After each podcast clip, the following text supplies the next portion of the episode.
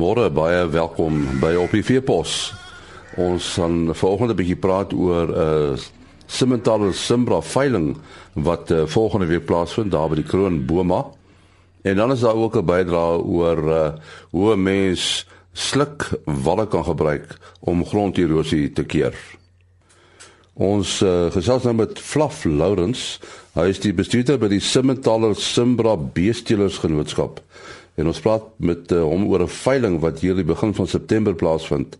Wanneer vind dit presies plaas, uh, Flaf? En die, die veiling vind plaas op Woensdag die 2 September by die Kroonbouma by Kroonstad.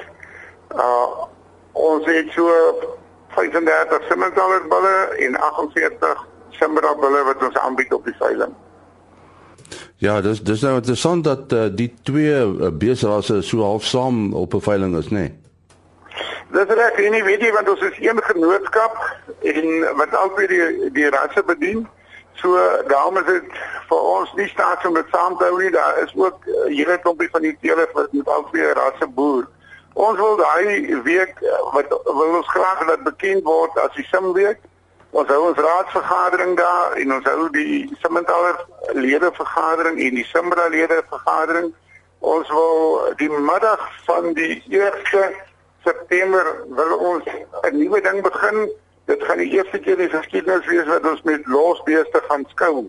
Die bulle wat op die veiling gaan kom, gaan ook nie meer soos die ou tradisionele manier in die ronde met 'n halter gelei word nie, maar hulle gaan een-een inkom sonder 'n halter waarna die beoordelaars hulle gaan kyk en dan die bulle vir ons gaan plaas van 1 tot 6.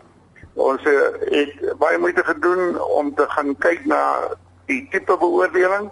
So dit gaan basies werk dat ons 6 uh, ring het met 6 hokke om hom en dan as die as die manne na die een bil daar gekyk het dan sit hulle hom in hok nommer 1 en so gaan hulle aan tot hulle al die 6 bulle geplaas het en dan kom die bou al hulle weer die bou uit en bespreek hom sodat die manne wat om die ring staan die publiek kan hoor hoekom hulle die bou eerste plaas.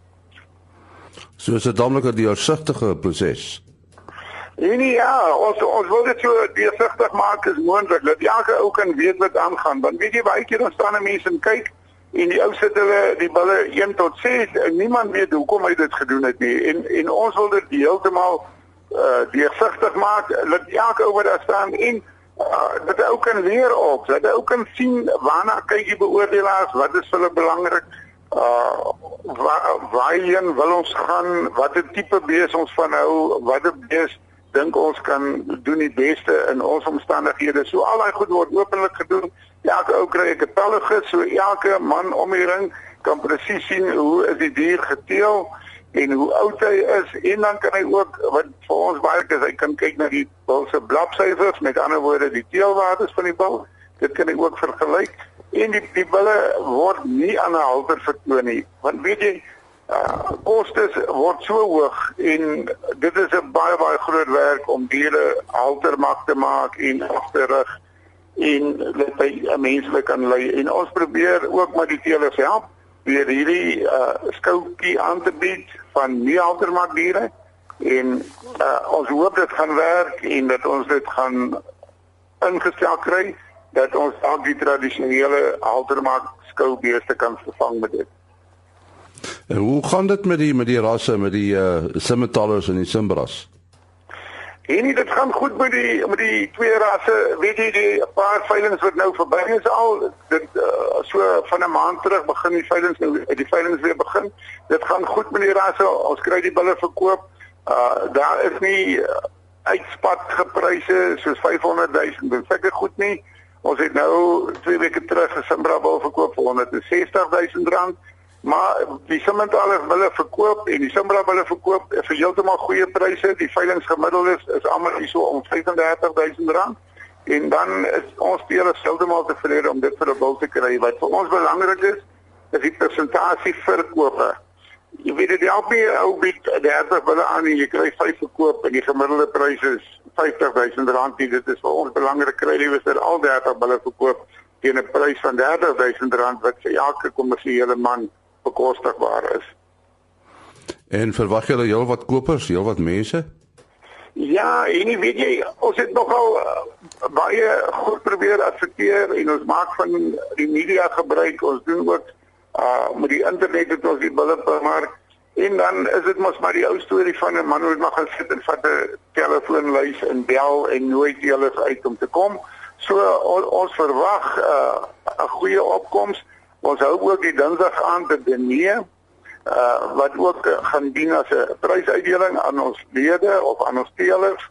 So ons het ons wil graag daai week uh vestig as 'n simweek waar al hierdie goed gebeur want dit is ook nie meer lekker vir die manne om 'n week lank weg te gaan van die huis af en by 'n skou te sit of waar ook alleen te gaan nie. en hier hierdie week wil ons hom alles aanbied wat uh, rakende die raswa mee boer. 'n Telefoonnommer is daar vra is? Hierdie almal is baie welkom om my te bel. Enige tyd. My nommer is 082 4422 Sê hom weer. My nommer is 082 4422 Almal is welkom om enige tyd te bel. Vir meer inligting of hulle kan ons webblaaie besoek uh www.simentaler.org of www.simbra.org.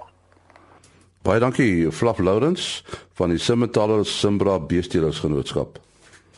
Ons uh, gaan nou 'n bietjie gesels oor uh, gronderosie en en slukheininge. En daar praat ons met uh, Felix Reinders van uh, die uh, Departement Landbou en Ingenieurswese um, en uh, ons wil 'n bietjie by hom hoor uh hoe mense slukheininge kan inspann om gronderosie te keer. Hoe kan 'n mens dit doen Felix? Die uh wet uh, wat ons in Suid-Afrika het, natuurlik wet 43 van 1983 uh bied vir ons die geleentheid en natuurlik uh om beheer uit te oefen uh oor ons natuurlike hulpbronne.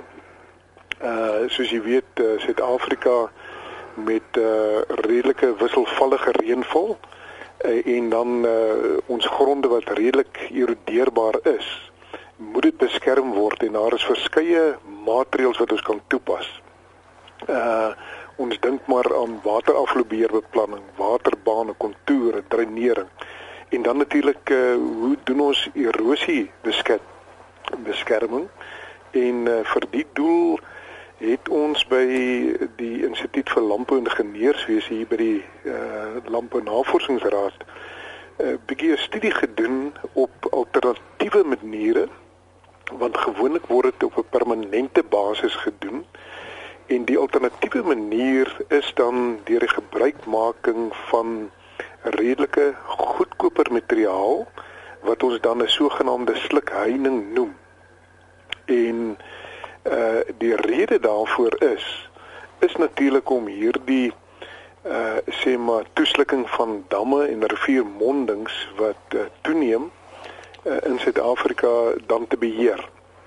En die uh beginsel wat ons dan gebruik uh is om beginsel van die heininge te gebruik en daar is materiale soos pale, bindraad, uh versterkings uh nette afdigtingsmateriaal. Goed Felix, waar moet 'n mens uh, hierdie slukheininge gewoonlik plaas? Hierdie slukheininge word gewoonlik geplaas natuurlik in erosieslote wat klaar gevorm het uh, of wat mense dan sien waar dit al reeds uh, aan die gang is. En uh, die plasing word dan gedoen uh, binne daardie erosiesloot uh, op so 'n manier uh, dat die terrein word dan benut in die opsig dat ons hom plaas op sekere afstande binne die sloot en dan om die opslipking eh, sodanig te werkstellig dat die donga met 'n sluklaag bedek word sodat voldoende grond wat dan opgevang word deur die slukheining uh hierdie grond kan opvang en dan vog beskikbaar het vir plante groei om dan weer te kan hervestig.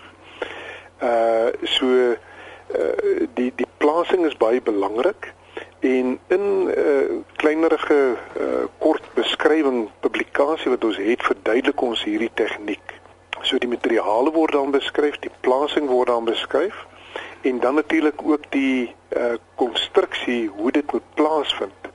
Uh hoe mense dit uitmeet, hoe mense die pitsloot grawe, hoe ons die voorskoot plaas van hierdie uh materiaal en ons gebruik natuurlik uh het sy uh al net uh skadenet ehm um, van 'n sekere grootte en dan soos wat dit reën en die water beweeg dan af, dan word daar opslukking en water word teruggehou. Uh en dan kan die materiaal dan weer vestig om hierdie struktuur dan nou te beskerm. Maar baie belangrik ook is natuurlik nou die onderhoud want wat ons graag wil hê is dat hy ten minste leeftyd van sê maar 10 jaar of langer moet hê. Uh want hy degradeer en hy uh, verweer natuurlik. Maar uh, die vertroue is natuurlik dat die plantmateriaal dan nou reeds in daardie tydperk sou gevestig het om stabiliteit in die erosiesloot uh, mee te bring. Uh, moet mense enige iets doen om dit in stand te hou? Baie belangrik. Uh, ja, die um, veral weet die eerste reenseisoen uh is dit noodsaaklik om seker te maak dat daar um, so min as moontlik lekkasies is wat dit kan moontlik onderdeur is soos om nie diep genoeg die pitsloot gegrawe het nie. Uh ons moet kyk na die drade wat die verankering uh doen dat dit nie breek of afgeroes word nie. En natuurlik ook die afdigtingsmateriaal uh dat dit nou nie geskeur het uh of uh uh enige beskadigings uh, plaasgevind het nie. Maar ek moet ook sê hierdie slukheininge is uh, net vir kleiner opvanggebiede, nie die groot opvanggebiede waar mens dan eerder moet permanente strukture uh, moet beplan en uh, konstrueer uh, en dan uh, in werking stel nie. Goed Felix, die publikasie waarvan jy gepraat het, uh, wie moet mense kontak om die publikasie in die hande te kry? Hulle kan die LNR Instituut vir Landbou en Geneeswese kontak en hulle kan met Elmarie Stols hier by ons eh, kontak maak. Uh by telefoonnommer 012 8424017 of 'n e-pos te skryf aan haar uh, stols e uh @rc.agric.za Ons sê baie dankie aan Felix Reinders van die Instituut van Landbou en Geneeswese. Net weer daar die telefoonnommer wat jy kan skakel vir die publikasie 0128424017. Ook die einde van ons program maandagooggend om 4:45 is ons terug. Mooi loop.